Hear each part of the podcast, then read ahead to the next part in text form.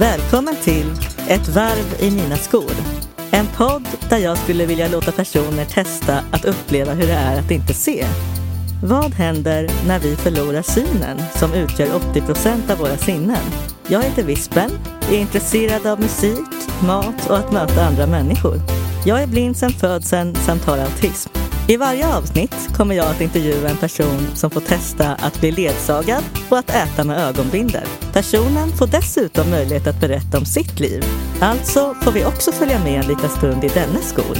Så här lät det när jag träffade Eddie Wheeler som är musiker och föreläser om tillgänglighet. Välkommen hit! Tack så jättemycket! Har du haft ögonbindel vid något tidigare tillfälle eller så? Eh, alltså, ja, det är klart man har, man har testat ibland.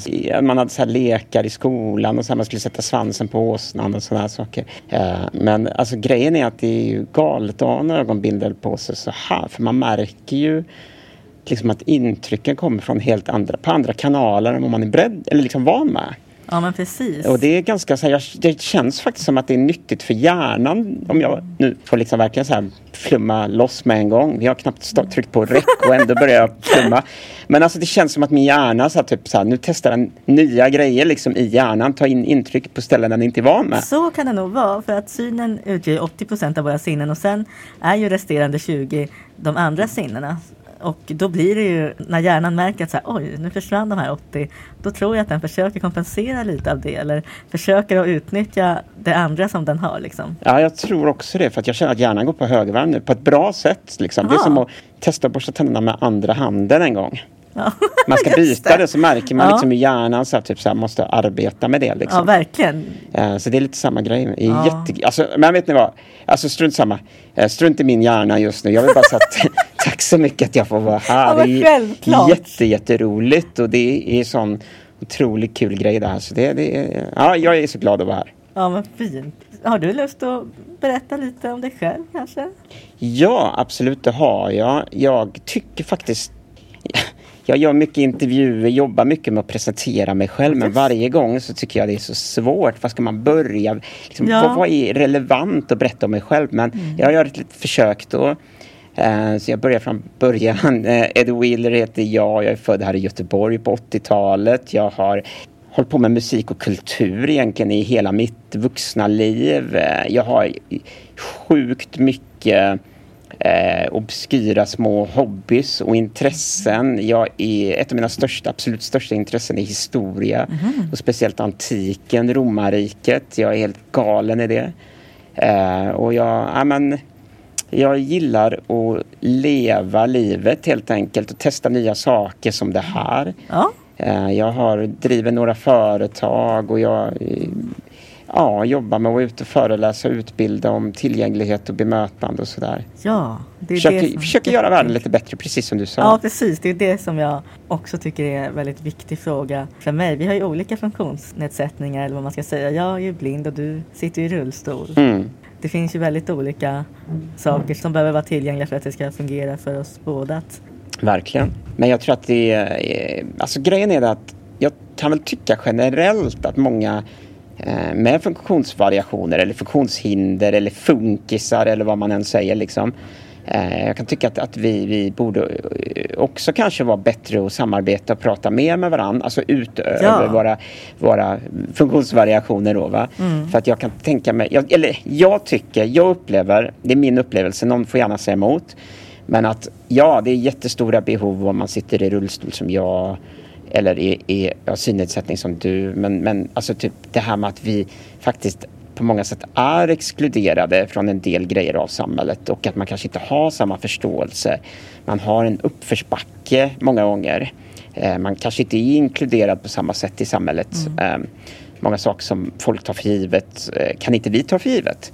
Eh, där har vi likheter och jag, jag kan tycka typ att, att många funkisar borde liksom så här, man borde jobba lite mer över gränserna ibland. Jag kan tycka att det är väldigt så här, ja men liksom folk i rullstol för sig och synskadade för sig och hörselnedsatt för sig. Och ja, det mer. håller jag verkligen med om. Det är jättesynd för man kan lära sig så mycket av varandra. Sen så är vi ju människor också såklart med ja. olika personligheter och vi tycker att olika saker är olika viktigt och allt sånt där. Men ändå.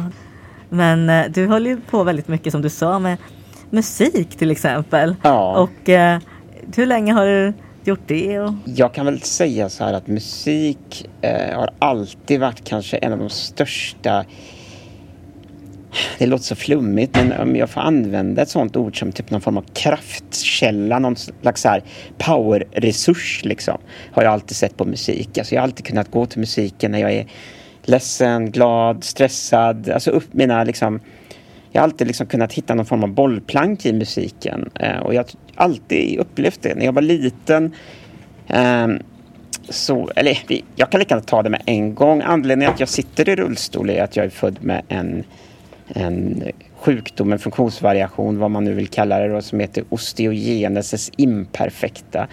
Och det är en sjukdom som gör att man har ett svagt skelett, svaga muskler. Egentligen allting som är gjort liksom av magnesium och kalk i kroppen är lite svagare. Liksom. Och typ allting i kroppen är gjort av magnesium och kalk. Så det mesta i min kropp är svagare. Liksom.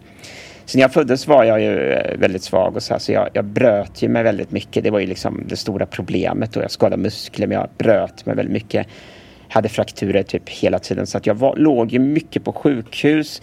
Dels med frakturer men också dels framför allt när de opererade mig då för att man satte in stålstavar och sånt i kroppen för att jag liksom inte skulle få så många frakturer. Mm. För att liksom så få någon form av så här stött uppstöttning av skelettet eller vad man ska kalla det.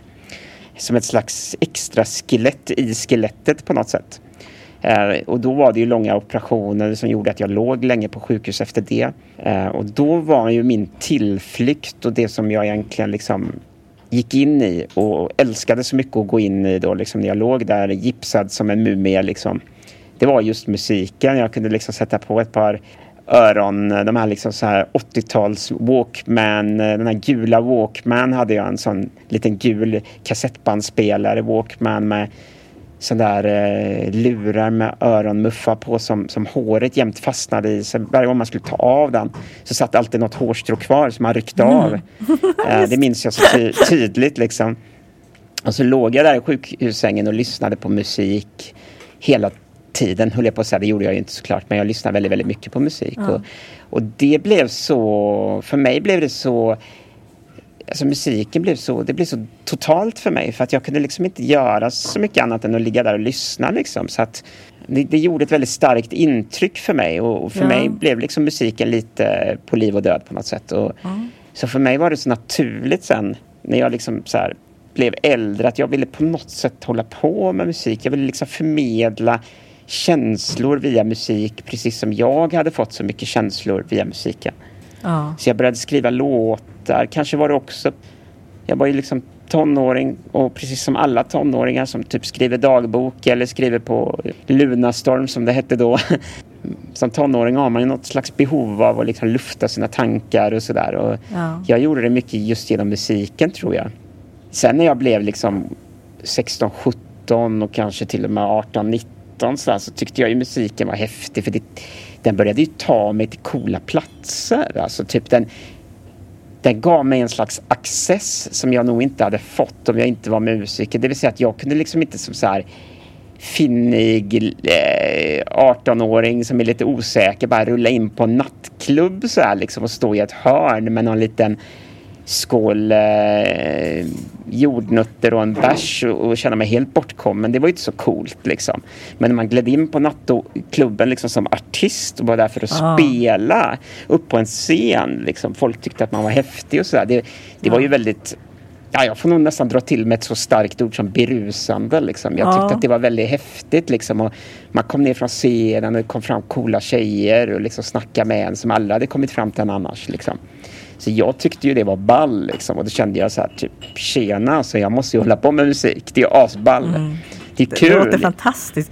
Så du har hållit på så pass länge och ändå haft, du fick spelningar så pass tidigt då, redan i tonåren och så? Det är, ja det fick jag. Men det är lite faktiskt sanning med modifikation får jag säga. För att sanningen var att jag fick en del spelningar som gjorde att jag liksom fick smak på det här. Jag tyckte det var så spännande. För mig var det liksom, det var äventyr liksom att vara ute och spela. Det var liksom, för mig var det precis som så här, man ser någon så här westernfilm när de reser runt med någon så här eh, vagn i, i vilda västern. Liksom. Det var ett äventyr. Jag visste aldrig vad som skulle hända. Det var så här, jag tyckte det var så ball. Liksom. Det, var, det var det mest spännande jag kunde tänka mig. Ja. Liksom, att vara ute och turnera och spela. Ja.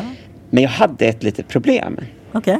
Och det problemet var att jag hade inte lika lätt att få spelningar som folk som inte satt i rullstol. Mina kompisar som också var musiker, många, de fick mycket mer spelningar än mig. De fick mer chanser. De fick komma på samtal med skivbolag och jag Oj. fick inte det i början.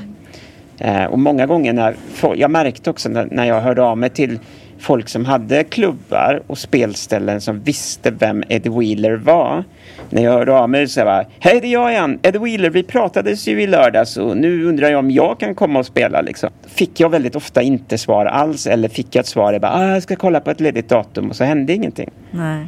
Men jag märkte att när jag liksom testade, bara för att testa då, mejlade folk liksom i Uppsala eller Lund eller Malmö eller sådär, typ till klubbar där och sa bara hej, Eddie Wheeler heter jag och jag skulle vilja komma till er och spela. Så märkte jag att jag fick spelningar så jag förstod att det handlar mycket om att folk vet att jag sitter i rullstol. Man vågar inte, ja just det, för det måste jag tillägga då när jag mejlade de här utom Socknes nattklubbarna eller spelställena. Då skrev jag ju inte att jag satt i rullstol för jag Nej. tyckte inte det var relevant information för jag var ju musiker och det var ju det som var liksom Ja men precis, det är ju det man gör i huvudsak. Ja. Det man framför. Men vad tror du var så svårt? Var det att de inte hade anpassat eh, själva ställena? Eller varför tror du att du kanske, det kanske är svårt att svara på då? då? Det, Såklart. det kan vara lite svårt att svara på på ett sätt. Men jag skulle ändå vilja svara på det för jag har tänkt mycket på det.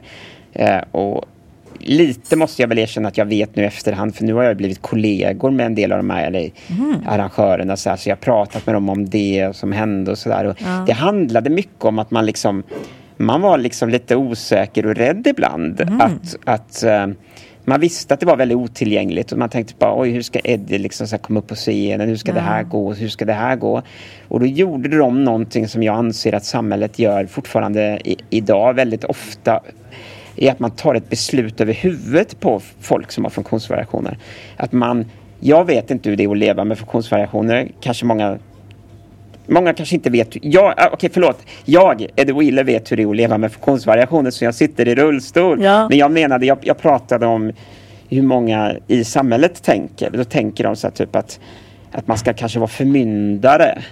Man tänker att man kanske ska hjälpa de här personerna som har funktionsvariation och liksom så hjälpa dem att ta de här besluten för att man vill liksom Ja. inte utsätta dem för svårigheter. Man vill inte utsätta dem för situationer som kan bli pinsamma eller svåra eller krångliga eller där man inte vet om man där man ska svara på eller om man kommer sättas till svars. Och då är det bättre Ja. att säga bara, jag vet inte eller jag kan inte eller nej det går inte. Ja precis, att man kanske är rädd för att fråga. För jag har ju också varit med om det att eh, mina seende vänner har haft lite mer spelningar än jag. Eller att man gärna i alla fall börjar med att ringa till dem och höra. Och så har det varit någon, när vi har haft gemensamma grejer så har de också ringt till dem i Ja. första hand. Och det tycker jag är väldigt synd. Så jag brukar ju verkligen säga det här att jag när jag träffar folk verkligen det här att jag tycker om samtalen och att jag tycker om just det här att prata för det kan jag ju göra ändå så att säga. Och det är synd att människor inte vågar fråga mer för då tror jag att det hade blivit lättare för mycket kan man ju lösa bara genom att prata om det eller genom att Ja, ja, verkligen. Det är därför det är så viktigt att man måste ge den här...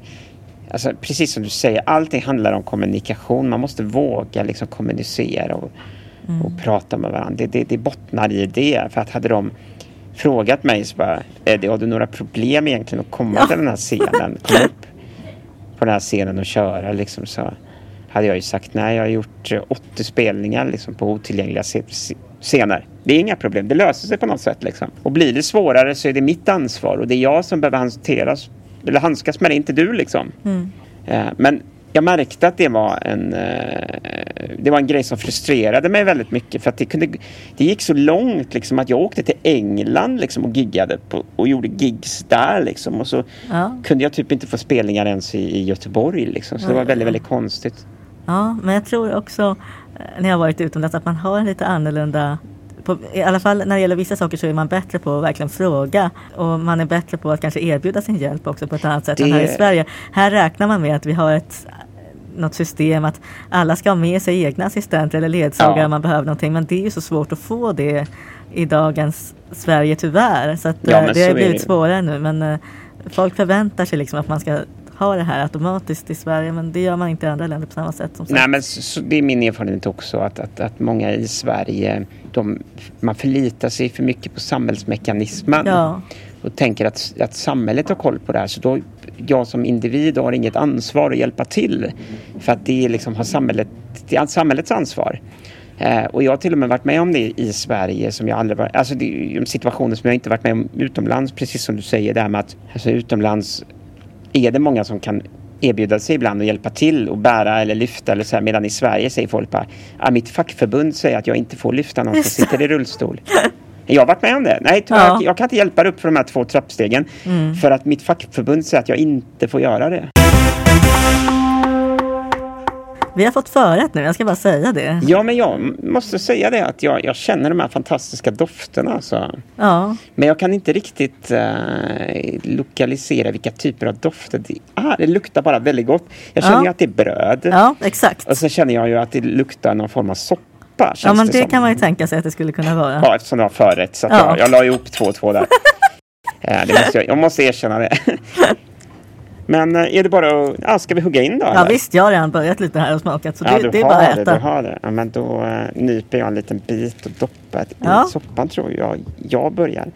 Sen är det så roligt nu. Det är, skyn- alltså, det är väldigt bra att det här är en podcast och att det inte är en sån här videocast. Mm. För att jag brukar ha typ en tredjedel av måltiden på mitt bröst i vanliga fall. Oj, oj, oj. Och Ja, nu då får vi jag- se hur det går nu då. Ja, exakt. Va? Nu har jag ju inte ens synen, så nu kan det ju gå... Jag är ju rädd. Jag tror ju till och med den här ögonbinden kommer att vara kladdig sen. Alltså, men det är, det, är, det är en börda ni får ta som har mig som gäst här. Det är rot, rotfrukter känner jag ju. Wow, vad gott. Ja, absolut. Det var ju en toppenförrätt det här alltså. Wow. Vad bra att du tycker det. Ja, Jättekul. jag gillar i och för sig... Eller, jag har ju inte så här varit en matfan så mycket. Ja, okej. Mm, I mitt liv har jag liksom aldrig riktigt uppskattat mat och sådär så jättemycket. Det låter jättekonstigt men jag har liksom alltid ätit vad som har ställts fram och så. Det har jag också gjort. Men jag har ändå verkligen älskat att testa ny mat. Och så. Ja men du har det? Ja. Men jag har börjat göra det de sista åren. Eh, De sista tre, fyra åren skulle jag säga att jag verkligen har börjat så här. Alltså typ jag har börjat laga mat med saffran och sånt du vet. Ja, det är, Det är helt galet. Alltså innan var det ju liksom en mikropåse med popcorn. Alltså så här mikrad påse med popcorn. Det var min middag liksom ibland va. Och nu så sitter jag och gör liksom paella och sånt. Så att jag, ja, ja, det är fantastiskt med mat. Men vad kul. Har du något särskilt tema som du brukar skriva om när du skriver musik och sådär? Mm. Oj, vilken, det var nog en av de svåraste frågorna jag har fått på länge. För att det borde vara en så här självklar grej, men vad, vad kan man säga liksom så här? Mm. Grejen är det att jag, jag brukar skriva låtar, alltså om vi pratar rent musikaliskt då, liksom bara toner och sånt, då, så brukar jag, jag gillar ju musik som är ganska så här jag gillar ju musik som är direkt. Den ska vara liksom lite pang på, men jag gillar också att den ska vara ganska bombastisk liksom. Min mu- musik är ganska så här. Den är ganska mycket. Jag antar att den speglar kanske lite mig ibland också. Att jag är ganska mycket. Jag pratar mycket, jag hörs mycket, jag syns mycket. Jag, jag, jag är lite för mycket. Så min musik är väl lite för mycket också på många sätt. Okej. Mm, kanske, jag vet inte. Men det tror jag, det är det som är så fint med musik, att det finns så många olika genrer och stilar och det här med ett unikt uttryck är ju fantastiskt och sådär. Att Ja. Det verkligen finns. när det gäller min egen musik så tycker jag nog det roligaste är att skriva texterna faktiskt. Eh, För där lägger jag väldigt mycket vikt liksom. Jag brukar sjunga i liknelser ganska mycket liksom, så att jag sjunger om något annat som jag egentligen menar. Eh, Så att om det är en relation till exempel så kan jag sjunga om jag gillar liksom när man skriver en relation, alltså då, istället för att folk fattar direkt att det är en relation så kan man sjunga om att man bor i ett trasigt hus eller att man bor i ett fint hus eller att man bor i en, man är på en bra semester. Men semestern är en, liksom en omskrivelse för relationen. Så mm. Jag gillar när det är så dubbelbottnade texter. Ja. Så att man förstår, aha, rosen symboliserade deras känslor för varandra. Eller aha, liksom så här. Mm. Däcket som snurrade runt på bilen, det var en symbol för... Ja. Nu kom jag på när jag sitter och pratar om att jag har inte tillräckligt med, med, sån, med sådana kanske referenser för att då, kanske folk kommer gå in och verkligen lyssna på mina låtar nu och bara, oh, men vad, vad få sådana grejer han prat, mm. som han pratar om där i podden som egentligen finns i hans låtar. Men, mm. ja, vi ska ju faktiskt lyssna på ett par låtar nu. Ja, så, men då kan vi ju lyssna kanske på då kan vi lyssna på en låt där jag verkligen har jobbat mycket med det uttrycket och den, eh, den heter Kom in i mig.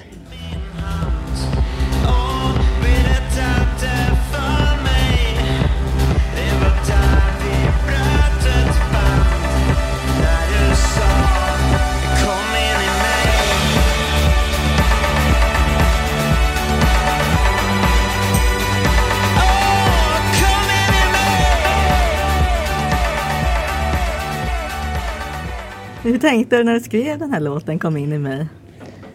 Jo, jag... Nej, men jag tänkte väl så här att, att den låten handlar ju egentligen om en, en kärlekshändelse eller vad man ska säga. Eh, som har, har ju nästan på gränsen till en ja, erotisk innebörd liksom. Okay, ja, så kan man ju tolka det liksom så. Ja. ja. att man, ja, ja, du fattar själv. Absolut. Eh, men eh, den har ju då det här djupare som jag pratade om att liksom, det är en omskrivning den här liksom eh, hänga på stranden och liksom ha en liten rendezvous på stranden. Alltså ja. det, det är en omskrivning egentligen för att våga släppa in en människa i sitt liv och sitt hjärta. Eh, och det just, kan ju vara väldigt tufft och svårt och speciellt om man har liksom en man har varit med om. Liksom att man kanske har eh, gått på pumpen några gånger och sådär. Mm. Eh, och så. Så att det, det är egentligen det den låten handlar om. Liksom så här, ja, så om man ska ta ett mellandjupt spår så är det just liksom släppa in någon i sitt liv. Och ska man gå riktigt, riktigt djupt så handlar det ju egentligen om om rädsla i sig själv. Att man kämpar kanske mot en rädsla i... handlar kanske inte så mycket om en annan person egentligen. Utan det handlar om sig själv. Att man vågar utmana sina egna rädslor liksom ja. också. Så den har egentligen tre bottnar kan man säga. En kärlekshistoria på en strand. En relation med en annan person.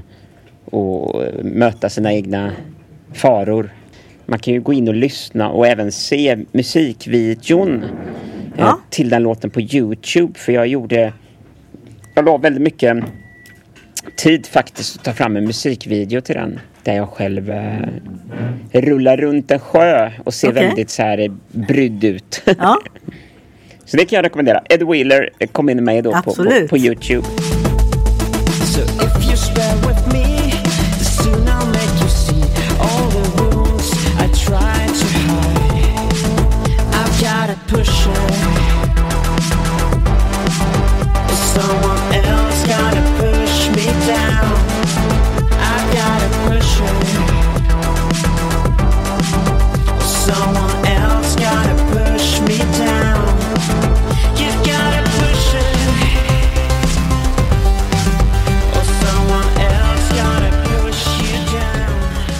nu har vi också hört en ytterligare låt av dig som heter Push It, eller hur? Ja, och eh, Push It den är väl liksom eh, om jag ska ta samma analyskurva då, som jag gjorde i förra låten, rätt upp och ner så handlar den ju om utmaningar som man tar sig an liksom.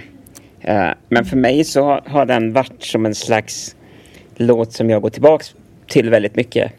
Eh, när jag har haft tuffa ja, men motgångar eller uppförsbackar i livet liksom, så går jag och lyssnar på den låten. Och då, ja. då minns jag när jag skrev den låten hur jag var så full av energi och liksom så här, typ så här, jag trodde det verkligen liksom, jag satt där och liksom ville skriva som en kamplåt till, mm. mig, ja. till mig själv liksom. Ja. Som en så här, här är det, här har du en låt när det är tuffa tider typ. Ja. Eh, så du kan öppna den låten och lyssna på den och så kan du liksom så här, tänka tillbaks till när du var så tuff och modig typ. Mm. så att jag, jag, tackar den Alltså, jag tackar mig själv där lite. Liksom, Ja. Så att jag har haft väldigt mycket styrka i den just att jag går tillbaka och lyssnar på den. Och så kom jag på att ha, jag kunde minsann då. Så jag kan Ja. nu också. Liksom. Jag har faktiskt också gjort en sån låt Nej, är det sant? Vad Ja. kul. Då måste, ja, du måste berätta om det. Jag vill höra. Ja, nej men det är den här låten som den heter Från botten till toppen och den handlar ju också verkligen om att ta sig upp efter att ha varit, tagit sig igenom mycket självmordstankar och svåra situationer i livet. Sen så är jag ju inte riktigt på toppen men man kan i alla fall låtsas det. Det rimmar ju bra och sådär. Men Ja, ja. Jag har ju hört att andra också säger att de identifierar sig med den låten så det är så fint. Liksom. Det är ju jätte, jättefint och det är ju också en, en, en grej som jag kanske inte tänkte när jag skrev den låten då. Push it med. Men jag har förstått att många andra också, liksom, eller många är väl ta i mig, men det har varit några personer som har liksom sagt att den har betytt lite för dem också. Mm. Och de har också hittat någon form av kraft i den låten. Ja men exakt. Det är ju Eh, viktigt. och det är ju det, då, då får jag ju gåshud och så blir jag jätteglad.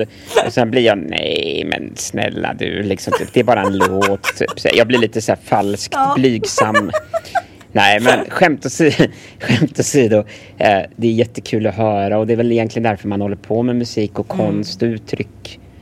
Egentligen, på något sätt att man vill ju inte bara man vill ju såklart må bra och få någonting själv av det men man vill ju ge någonting till andra. Det vill man ju Ja. liksom. Men Absolut. du nämnde ju det tidigare att du har spelat i olika länder och Mm. varit ute på turné och så. Du får gärna berätta om några sådana Ja. situationer eller tillfällen som du tycker har varit extra roliga eller minnesvärda på olika Ja, sätt. nej, men jag har hur mycket grejer som helst och det, det är ju en grej liksom som, alltså jag älskar ju det så mycket. Att vara ute på turné och liksom träffa folk och liksom så alla de här sakerna. Det är ju det som är, ja, det är liksom där cherry on top på hela grejen att hålla på med musik tycker jag. Eh, Men, men man har ju fått med om massa häftiga upplevelser och alltså både jobbiga och, och roliga liksom. Men eh, några så här grejer jag aldrig kommer glömma är när jag var i jag var i Landskrona en gång och spelade och sov över hos en arrangör där som hade bokat gigget och hela källaren var full med spettekaka. Han hade Aha. liksom så här samlat på sig spettekaka som han skulle sälja till Japan. Ja. Och, och, alltså, man sov bland massa spettekaka liksom på en så här, i en solstol typ som han hade bäddat liksom. Och så kände man när man gick och löste att det här är verkligen att vara på turné liksom. Mm. Men jag har varit uppe i Norrland och spelat. Jag åkte med ett fantastiskt gäng med en, en turné som är år efter år och är faktiskt igång just nu som heter Inlandsbanefestivalen. Okej.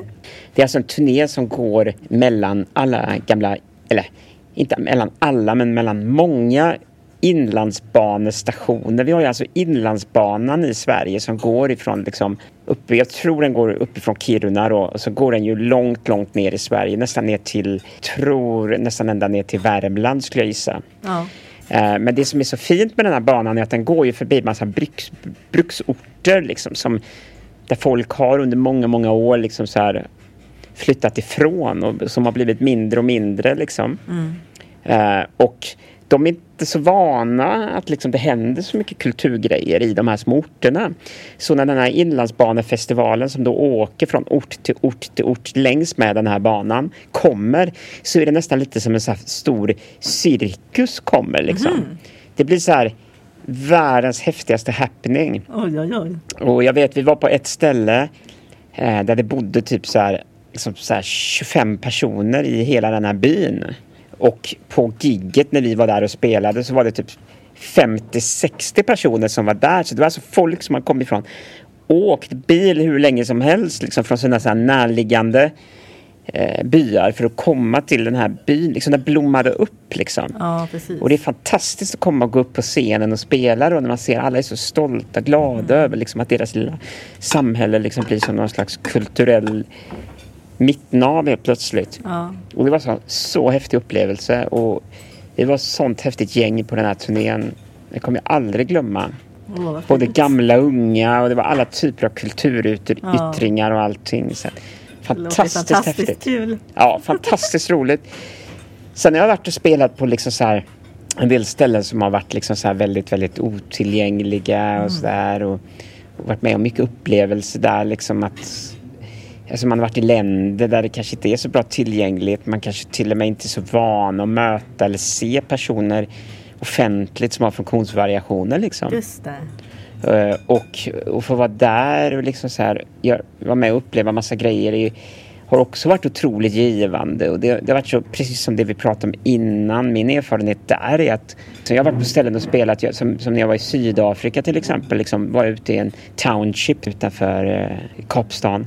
Och Alltså då åkte vi typ som en svart taxi som kallas för Roach. Okay. Jag vet inte om det är så nu längre men då var det i alla fall så att de, de etablerade taxibolagen inte vågade åka ut till townshipsen på grund av att det var mycket kriminalitet och så då. Så då fick man åka med en som kallades för en Roach. Som var alltså en gammal trasig skåpbil som kördes som en taxiverksamhet av de som bodde ute i townshipsen som åkte mellan townshipen och eh, förorten där och själva eh, Kapstaden då. Eh, och vi var där och, och alltså det var fan, helt galna upplevelser där liksom att man satt i en bil. Det var hål i botten av bilen så man såg asfalten igenom ett hål liksom. Eh, man såg asfalten åka förbi nedanför och eh, eh, Första gången jag skulle åka där var det så häftigt liksom att de, de stannade då för att skulle plocka upp, det var jag och min kompis Viktor då liksom och de skulle plocka upp oss och de tittade på oss liksom och hade knappt sett en rullstol innan liksom och visste inte hur de skulle göra. Men, ja. men det var liksom aldrig fråga om att nej, de kan inte åka med. Det är klart de ska åka med liksom. Ja. Så att då, vi förklarade att man kan plocka isär rullstolar och de bara wow, wow. Och så började de dela ut delarna. Då var det så att jag ska börja med att säga att alltså, hela skåpbilen var full med folk så det fanns inga lediga platser. Men jag nej. fick sätta mig i knät på en, en stor svart kvinna där. Och sen de andra som kör, eh, liksom, satt i bilen och fick hålla mina rullstolsdelar. Och det var en man som säkert var sen till jobbet liksom, som hade ganska fin kostym på sig. Han fick sitta och hålla mina oljiga däck liksom. Och han hade inga problem. Han bara no problem, no problem. Och det var så sjukt så jag satt där i den här främmande kvinnans knä. Hon var så stor och jag är ju så liten. Om ni hade sett mig nu så ser ni jag är ju liten liksom. Så jag fick ju plats på ena hennes lår. Så jag satt som ett, ett, ett litet barn på hennes ena lår och på andra låret, låret så hade hon liksom en korg med en tupp. Uh, och, och, där satt vi liksom och åkte och det var liksom ja. ingen som tyckte det var konstigt liksom. Nej. Alla, det bara löste sig, inga problem. Nej. Men, och sen då blir man ju så frustrerad för att sen när man kommer hem så ja. var jag hemma i några månader så skulle jag upp till Örebro och spela på ett ställe där. Då fick jag inte åka taxi för att jag hade inte specialbeställt färdtjänst och jag kunde inte åka med min rullstol i taxibilen trots att rullstolen inte ens behövde plockas isär och jag var den enda kunden. Alltså, du förstår vad jag menar? Det var, fanns inga problem ja, att stoppa in rullstolen i bilen eller åka med honom. Mm. Och han bara, nej, nej, nej, du måste åka färdtjänst, det säger reglerna. Ja, jag vet, sådär är vissa. Ja, och då tänkte jag tillbaks bara, ja men snälla någon, då skulle du sett hur det gick omkring i Sydafrika. Va? Ja när jag satt i knät hos en främmande kvinna och ändå fick vi plats och allting. Ja. Ändå hade alla kul. Ja. Liksom, alla var glada, det var ingen som blev ledsen eller arg eller var med om något obehagligt. Vi skildes åt som vänner och de var glada att få träffa någon som mig och jag var glad att få vara med om den upplevelsen. Fantastiskt. Så då förstod verkligen... man att det handlar inte bara om pengar, det handlar inte bara om teknik, till, fysisk mm. tillgänglighet, utan mm. det handlar om hjärterum. Ja, exakt. Och det är det jag blir så trött på när folk skyller på staten, att den ska ta ett slags ansvar ja. för oss funkisar hela tiden. Liksom att, ja, det ska den, så självklart. Men individen måste också ta ett ansvar. Vi måste ha mer hjärterum i Sverige idag. Mer tillåtande, så jag tänker ofta på det. När jag var med om den grejen i Sydafrika, det var ingen som sa bara nej, du kan inte få plats, det går inte. De välkomnade mig och, och tänkte aldrig hur ska det här gå utan alla mm. tänkte bara vi löser det. Ja, Åh, det är verkligen så fint att du och ja, det var så fått häftigt, uppleva va? allt det här.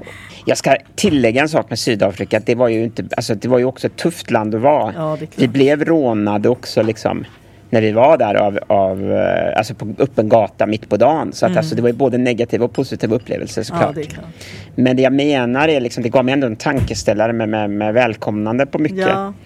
Nu ska jag smaka ja, på maten Ja, nu har vi fått här. mat också så att nu äter vi. Och jag bara babblar och babblar. Undrar vad det här är för ja. mat. Jag, jag, kan inte känna... Jag ska se här. Det luktar ju någon form av risaktig grej. Mm. Oj vad gott. Det var någon risotto typ va? Ja. Jag tänker lite som så här att jag har alltid levt lite efter den här liksom mottot att jag tror att man måste våga misslyckas ganska mycket. Mm. Och för varje grej jag har lyckats med så har jag kanske nio misslyckanden. Liksom. Ja, men, men, det är ju ingen som så... ser eller tänker på det. Utan folk ser ju bara grejer jag har gjort. Liksom. Mm. Och det är ju samma som så här, jag berättade nyss med de här roliga turnéerna. Jag har ju varit med om jättehemska grejer också. Liksom, så här. Ja. Jag har skadat mig, jag har liksom klättrat upp på scenen och trampat i glas och jag har blött och jag har mått dåligt och man har liksom varit trött. Och alltså, det är mycket svårigheter också liksom.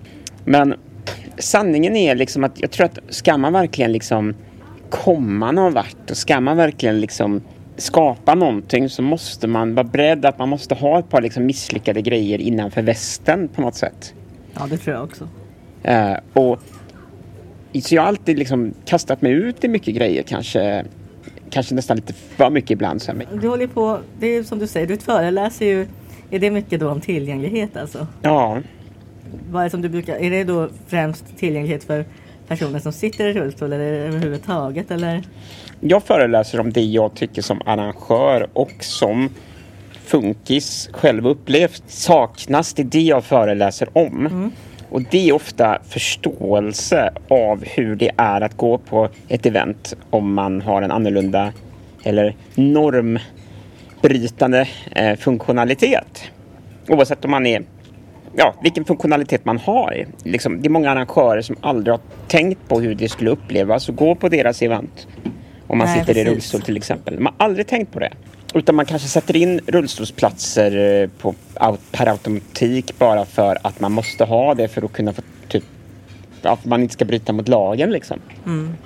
Eh, och, men man tänker inte på upplevelsen. Och jag pratar mycket om det där, liksom, eh, fram, framförallt om liksom, upplevelsen att gå på event och eh, att du kan ha ett världens tillgängligaste event men du kan bli Ja, du kan bli så dåligt behandlad som biljettköpande gäst ändå att du vill inte gå dit igen. Precis. Om man vänder på det så kan det vara precis tvärtom. Ja, det var precis det jag tänkte säga. Har du några exempel på tillgängliga platser i Sverige som du verkligen, där du verkligen trivs? Ja, nej, men jag skulle inte säga så här att, att när vi jobbade i Creative Point så var det många väldigt otillgängliga platser som vi tyckte var de bästa. För att där var man så välkomnad, alltså som gäst. Att det, man kände inte att man var till besvär när man kom. Kanske med permobil. Man kände att man var inkluderad, man kände att man var en i gänget, man kände en stor gemenskap. Man kände sån kärlek rent ut sagt, för man var välkommen där. Så då, jag tyckte det var så intressant och det fascinerade mig så mycket när man tittade på det liksom. Att så här är det, alltså i Creative Point, jag kan förklara att vi, var ju liksom, var inte Även om jag var en av tre projektledare så var vi en stor arbetsgrupp där alla hade funktionsvariationer. Alla levde med olika typer av funktionsvariationer. Och vi hade mycket spännande samtal såklart för att kunna liksom utveckla vårt arbete. Och vi pratade mycket om det, liksom, vad är det bästa och sämsta stället i stan? Och så kom vi fram till att det stället som är bäst var ett tekniskt på tillgänglighet. Det var ett ställe som ingen ville gå till. Medan det som alla ville gå till var faktiskt ett ganska otillgängligt ställe. Där folk, alltså kommer man med permobil till exempel, så kanske man bara kunde rulla runt i 20-25 procent av lokalen. Ja. Men ändå ville väldigt många gå dit för att det var där det hände. Det var där det var fetaste event. Det var där de bästa banden spelade. Det var där man blev välkomnad. Det var där man kände sig som att man var liksom en i gänget. Ja, så folk ville gå dit trots Ja. att tillgängligheten på pappret var ganska dålig. Ja, Och det är ju liksom så här, typ, när man pratar om det så slår ju det ner lite som en bomb. För folk fattar inte det, utan de tänker så här. Sätter jag en rullstolsramp och eh, liksom markeringar så att man känner liksom var, var trapporna går och så för synskadade så, så är det ett bra ställe. Sen kan personalen vara helt outbildad och ingen pratar med en och det är ingen som tänker på det. Men ironin är ju det att det är dyrare att sätta in en rullstolsramp och markeringar än vad det är och säga till sin personal att här behandlar vi alla lika. ja men exakt. Och det är det som är ironin. Så att i min värld tycker jag folk lägger mycket tillgäng- pengar på tillgänglighet men det är bara fysisk tillgänglighet och man jobbar ingenting med välkomnande och inkludering. Vilket egentligen är viktigare. Ja, precis. Och är det någon som sitter och inte håller med mig nu så ska jag bara säga så här att om, om vi tar ett exempel på en restaurang till exempel. Säg att du går på en restaurang som är jättefin. Det är en svin, alltså det är riktigt, riktigt god mat där. Men du blir så kränkt på den restaurangen. Kyparen liksom går fram och drar ner dina byxor när du ska betala så du står där med rumpan bar liksom. Det spelar ingen roll hur god maten var, du kommer inte gå tillbaks dit. Nej, du, har exakt. du har ju varit med om en dålig upplevelse, till och med blivit kränkt. Du, Det spelar ingen roll att de har stans godaste mat. Du går ju inte dit liksom. Och du kommer ju berätta för dina vänner att det inte var en bra restaurang. Mm. Fast maten var bäst liksom. Om man vänder på det. Du har liksom världens mysigaste lilla familjeägda minirestaurang Ja. och, och de lagar exakt det du vill ha. Det är, jätte, det är gott är det men det är liksom inte det godaste du har ätit men det är världens mysigaste grej liksom. Då kommer du ju rekommendera mer den liksom. Ja, Och det är det folk inte fattar med tillgänglighet. Och det är bara för att tillgänglighet pratas. Man ger fortfarande inte folk med funktionsvariationer rätten att prata om sitt eget problem utan det är folk som är normisar som driver frågorna om tillgänglighet fortfarande. Och det är därför perspektivet är fel. Det är ungefär samma liknelse som om Pridefestivalerna i Sverige alla skulle drivas av arbetsgrupper där ingen eh, alltså där alla var straight liksom. Mm. Det hade inte blivit det hade inte blivit Pridefestivaler, det hade inte varit Nej. inkludering, det hade inte varit relevant liksom. Det jag föreläser om handlar mycket om så här reclaim frågan. ja, Jag är trött på att folk som aldrig knappt har träffat någon som sitter i rullstol eller aldrig haft personlig assistans själv går runt och pratar och berättar hur funkisar med personlig assistans vill ha. ja, det är väldigt spännande. Det händer ju hela tiden. Det är samma sak med oss som är blinda. Ja. Människor har ju många fördomar och, och så applicerar de dem som att det vore självklarheter. Fast de kanske inte ens har frågat och sen så glömmer Nej. man bort det här att alla är olika. Att varje person är unik och vill ha det på sitt sätt så att säga. Eller Ja, ja, vad som oh ja. fungerar för en själv. Mm. Det fungerar inte alltid för alla andra och så vidare. Mm. Så där finns Mm. det en del att jobba med. Så det är jättebra. Du säger så himla bra grejer om det här så jag tycker det är jätteviktigt. Och Ja, nu det är får bra folk att du allt. fortsätter föreläsa helt enkelt. Ja, nu får de alltid höra av sig eh, om de vill ha föreläsningar om någon sitter och lyssnar. För jag tycker att det här är någonting som skolor och kommuner, landsting, eh, alla som egentligen gör event i det offentliga rummet behöver prata om de här sakerna och behöver utbilda sig inom det här. Så att det är bara att höra av sig till mig. Absolut. Och hur gör man om man vill komma i kontakt med dig då? Mm. Ja, då kan man mejla mig bara på eh, info at creative-point.se. Åh vad bra, då Mm. vet vi detta. Vad har du för planer här framöver med allting och sådär? Har du några mm, drömmar eller mål? Eller Jag har- Jag hoppas att eh, en dröm kommer infria sig nu den 28 oktober. Okej, För då kommer jag spela förband till eh, ett jättestort legendariskt eh, elektroniskt band som heter IMX på Trädgården. vad kul. Lycka till med det. Mm, Ja, tack så jättemycket. Och det, jag spelat på väldigt många scener i Göteborg men aldrig på en sån stor scen faktiskt. Eh, Som artist då. Mm. Eh, Så att det blir ju liksom ändå för typ en tusen, mer än tusen pers Oj, liksom, oj, som oj. Ja. spelar förband till det här Och bandet. du ska spela som- själv alltså? Ja, jag kommer köra helt själv. Och det är väldigt, väldigt kul för att det är ett band som har betytt mycket för mig också. Jag, jag är fan av bandet dessutom. Mm. Eh, framförallt av bandets, för bandets sound och så. Jag älskar det soundet. Så Mm. Det, ska bli, det är en stor dröm faktiskt som eh, går i uppfyllelse att få spela förband till sitt eget, ja, till några man, man jag har många förebilder men, men det är ett, ett av dem verkligen. Mm. Så det är väldigt, väldigt kul. Då kan man också gå in och lyssna på IMX, alltså ett I-A-M-X. Ja. Vad har du mer på gång då? Kommer du släppa någon egen ny musik snart Mm. eller? Jag jobbar faktiskt på det. Men jag har nog aldrig lyckats hålla en deadline som jag, jag har sagt. Okej. Så jag vågar inte jinxa det. För om jag säger någonting så kommer jag nog säkert inte att hålla det. Så jag kan bara säga att det kommer dyka upp ny musik i höst, vinter eh, med nya låtar och eh, kanske till och med en musikvideo faktiskt. Så jag jobbar med det men sen så håller jag på och skriver väldigt, väldigt mycket också. Mm. Och det blir mitt nästa projekt tror jag. Att jag ska försöka ge ut någon form av, av bok tänkte jag. En bok där jag liksom faktiskt ja, men liksom berättar om hur, hur det har varit, min erfarenhet att resa runt i, i världen. Liksom, ur mitt perspektiv och, och grejer jag upplevt och um, alla möjliga saker. Det låter jätteintressant. och Ja, så jag tror att det kan vara en spännande bok med mycket spännande möten och, Ja, och sådär. Så jag, jag, den jobbar jag också på men den kommer jag nog inte bli klar förrän till kanske till sommaren då. Det, det, det tar så lång tid att skriva en bok. Men det blir jättekul att få läsa den. Ja, Hoppas du- den kommer som ljudbok då eller någonting. ja, ja, alltså grejen är, det här har jag redan tänkt på. Jag, ska, jag skulle vilja läsa in den själv. Ja, det är många som gör det faktiskt. Ja, jag, jag, jag lyssnar faktiskt väldigt mycket på ljudbok när jag kör bil. Ja. Och då har jag, tycker jag faktiskt, oftast tycker jag ljudböckerna är bäst när författaren själv läser den. ja, Jag tycker faktiskt det. det blir en lättare oftast. Om man har skrivit själv så vet man ungefär hur man vill att det ska läsas. Och man har ju sin egen inlevelse liksom. Man kan ju aldrig hur? bli någon annan än sig själv. Så att, ja.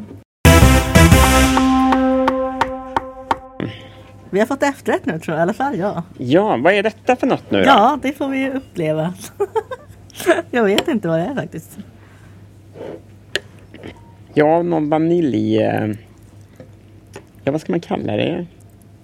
Nej, jag, jag vet inte vad det det är är. nog frukt i alla fall. Ja, det är någon sylt på, eller vad man Ja. ska kalla det, någon form av... eh, Hallon eller något. Eller Ja. så är det något annat med kärnor. Ja, det är nog hallon faktiskt. Är det något annat som du skulle vilja prata om eller mm, något annat som jag glömt att fråga eller vad som helst?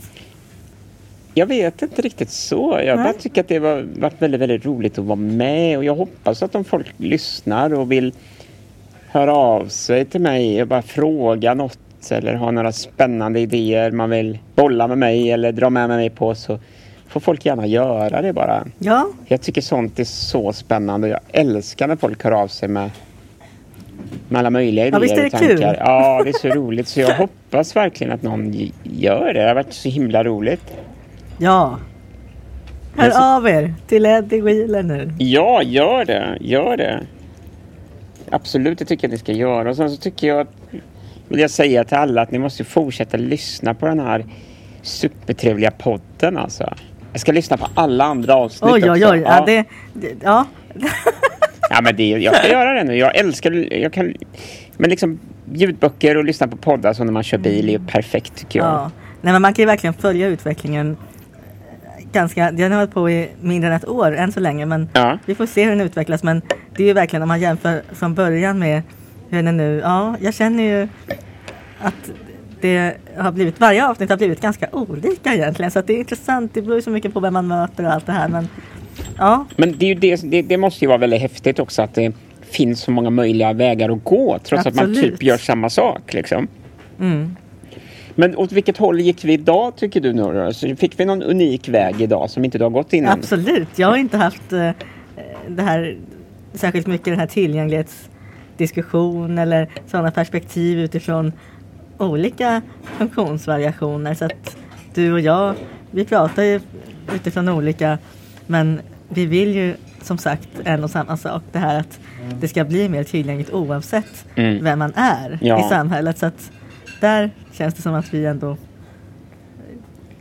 tycker samma sak. Och sen har vi musiken och ja men det var verkligen jättekul att få träffa dig och prata mer med dig. Ja, och det var verkligen jättekul att få vara här och prata. Och på något sätt så måste jag säga det att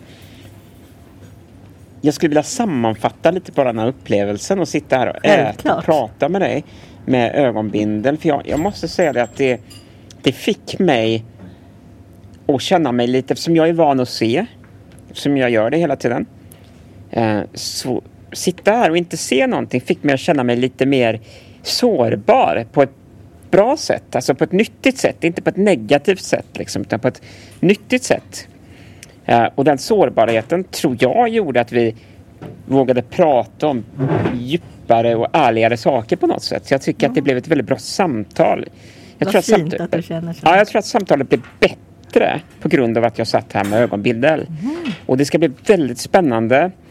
Och nu när jag tar av den sen, se hur mycket jag spilt på min skjorta. Ja, För att jag kan, jag kan tänka mig att det ser ut som så här... eh, Ja, någon sån här Pollock-målning. oj oj oj. Nej, jag, jag har ingen aning. Jag ser ju inte så att... eh, Nej, jag ska känna. eh, Ja. Men nej, jag skojar bara. Jag tror faktiskt inte jag har spilt ens. För jag, jag har varit så försiktig. Så då, ins, då inser man ju det att, att det handlar nog bara att jag äter för fort.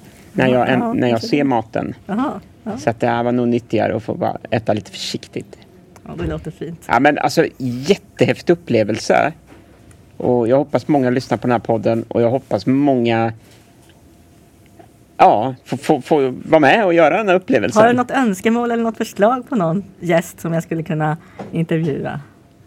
Ja, det har jag nog. Eh, det är svårt att säga så här på rak arm. Jag ska Ja. fundera på några. Eh, och sen kan jag, ja, jag skickar en lista Självklart. till dig tror jag. Några som jag tror hade gett jättebra samtal. Det låter fantastiskt. Tack så jättemycket för att du kom hit. Tack så jättemycket att jag fick vara med. Det var superroligt. Fem av fem. Skulle du också vilja uppleva en måltid utan syn? Eller har du kanske förslag på någon som du skulle vilja höra en intervju med? Kontakta mig på vispen.